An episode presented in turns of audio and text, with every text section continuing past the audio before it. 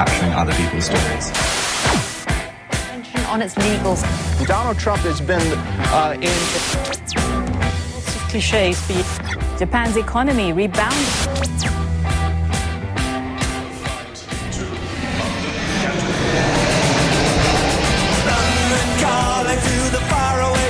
John Carlin, bon dia. Bon día, Roger. Com anem, John? Bueno, hace buen día, efectivamente, ¿no? Hace buen tiempo. eh, un bonito fin de semana. Ets a Sitges? Ets a Sitges o no? No, no, estoy en, estoy en Barcelona, pero estoy pensando ir a Sitges eh, más tarde hoy, sí. Mm, molt bé. Uh, com ho portes també tot això? Perquè, clar, és que uh, realment aquí la situació que tenim és que han marxat uh, un munt de cotxes, tenim un milió de persones vacunades pràcticament, però les xifres de la pandèmia són les que són, uh, i per tant, uh, encara que el CAP segurament ens reclama que ens toqui l'aire, uh, el que ens demana el cos i sobretot la salut física és que continuem tancats, eh?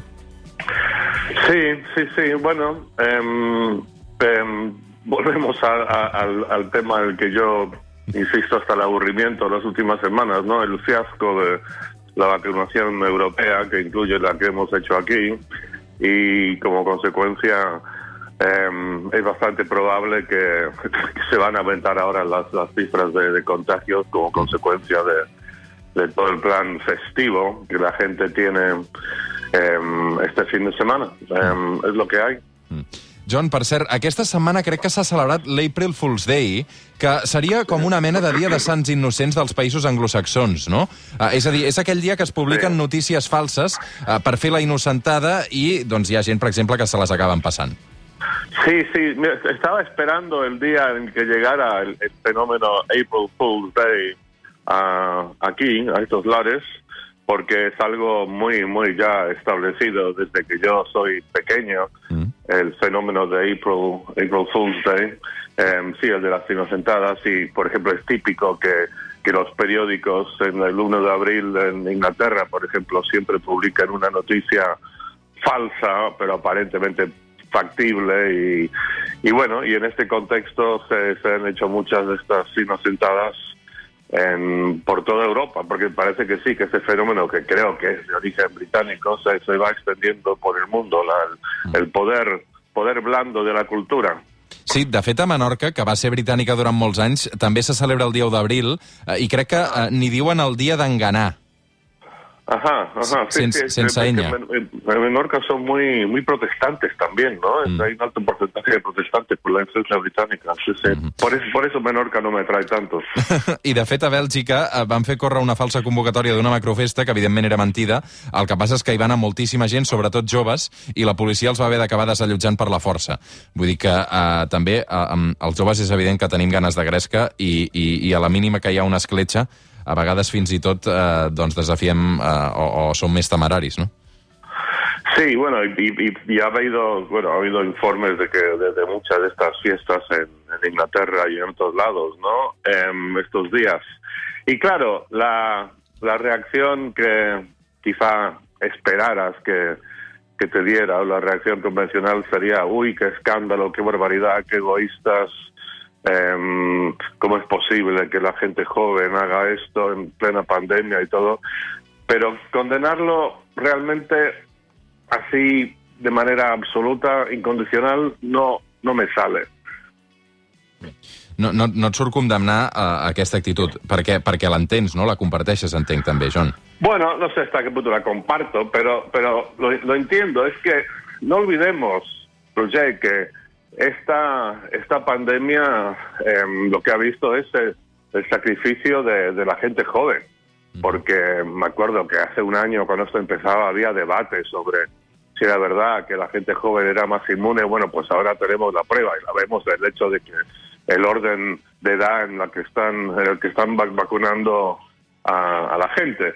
Y entonces eh, las cifras demuestran, por ejemplo, que, no sé, si tienes entre, entre 20 y 30 años, la posibilidad de morir del COVID es pequeñísima y muchísimo menos, como cinco veces menor, estaba viendo las estadísticas para Estados Unidos, que morir de cáncer si tienes entre 20 y 30 años, que ya eh, es bastante remota la posibilidad de que mueras de cáncer a esa edad. Entonces, es la gente joven la que ha tenido que hacer el sacrificio para, para los viejos y, bueno, y encima, aquí en- en- en la Unión Europea, vemos el, el fiasco que han hecho los mayores, los que gobiernan, em, el fiasco rodeando, rodeando el tema de las vacunas.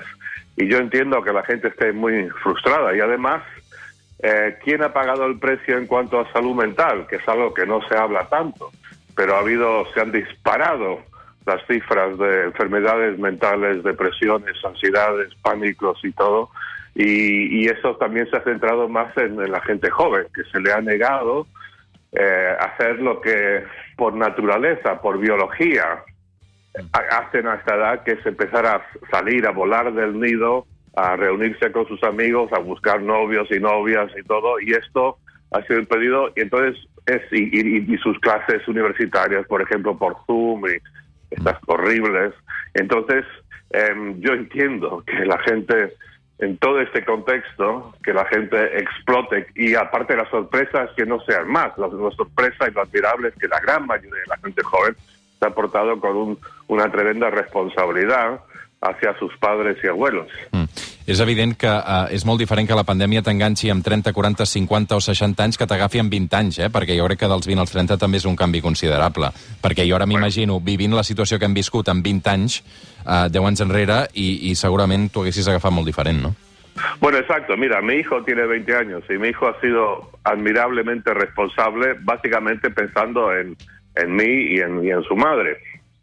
Pero si de repente me entero que eh, mañana, que, hoy, est- esta noche, mi, mi, mi hijo fue a un gran fiestón por ahí, a un botellón, pues no sé, me irritaré un poco, pero no me no no no, no sentiré que estoy en tengo la, posición moral para realmente enfadarme a lo bestia y pisarle unas hostias. O sea, no lo voy a hacer porque lo entiendo. Ha- ha- Han demostrado un tremendo eh, autocontrol y responsabilidad la enorme mayoría de la gente joven. Y te digo, antes también, o sea, no solo de la pandemia, sino lo mal que se ha llevado el tema por las autoridades.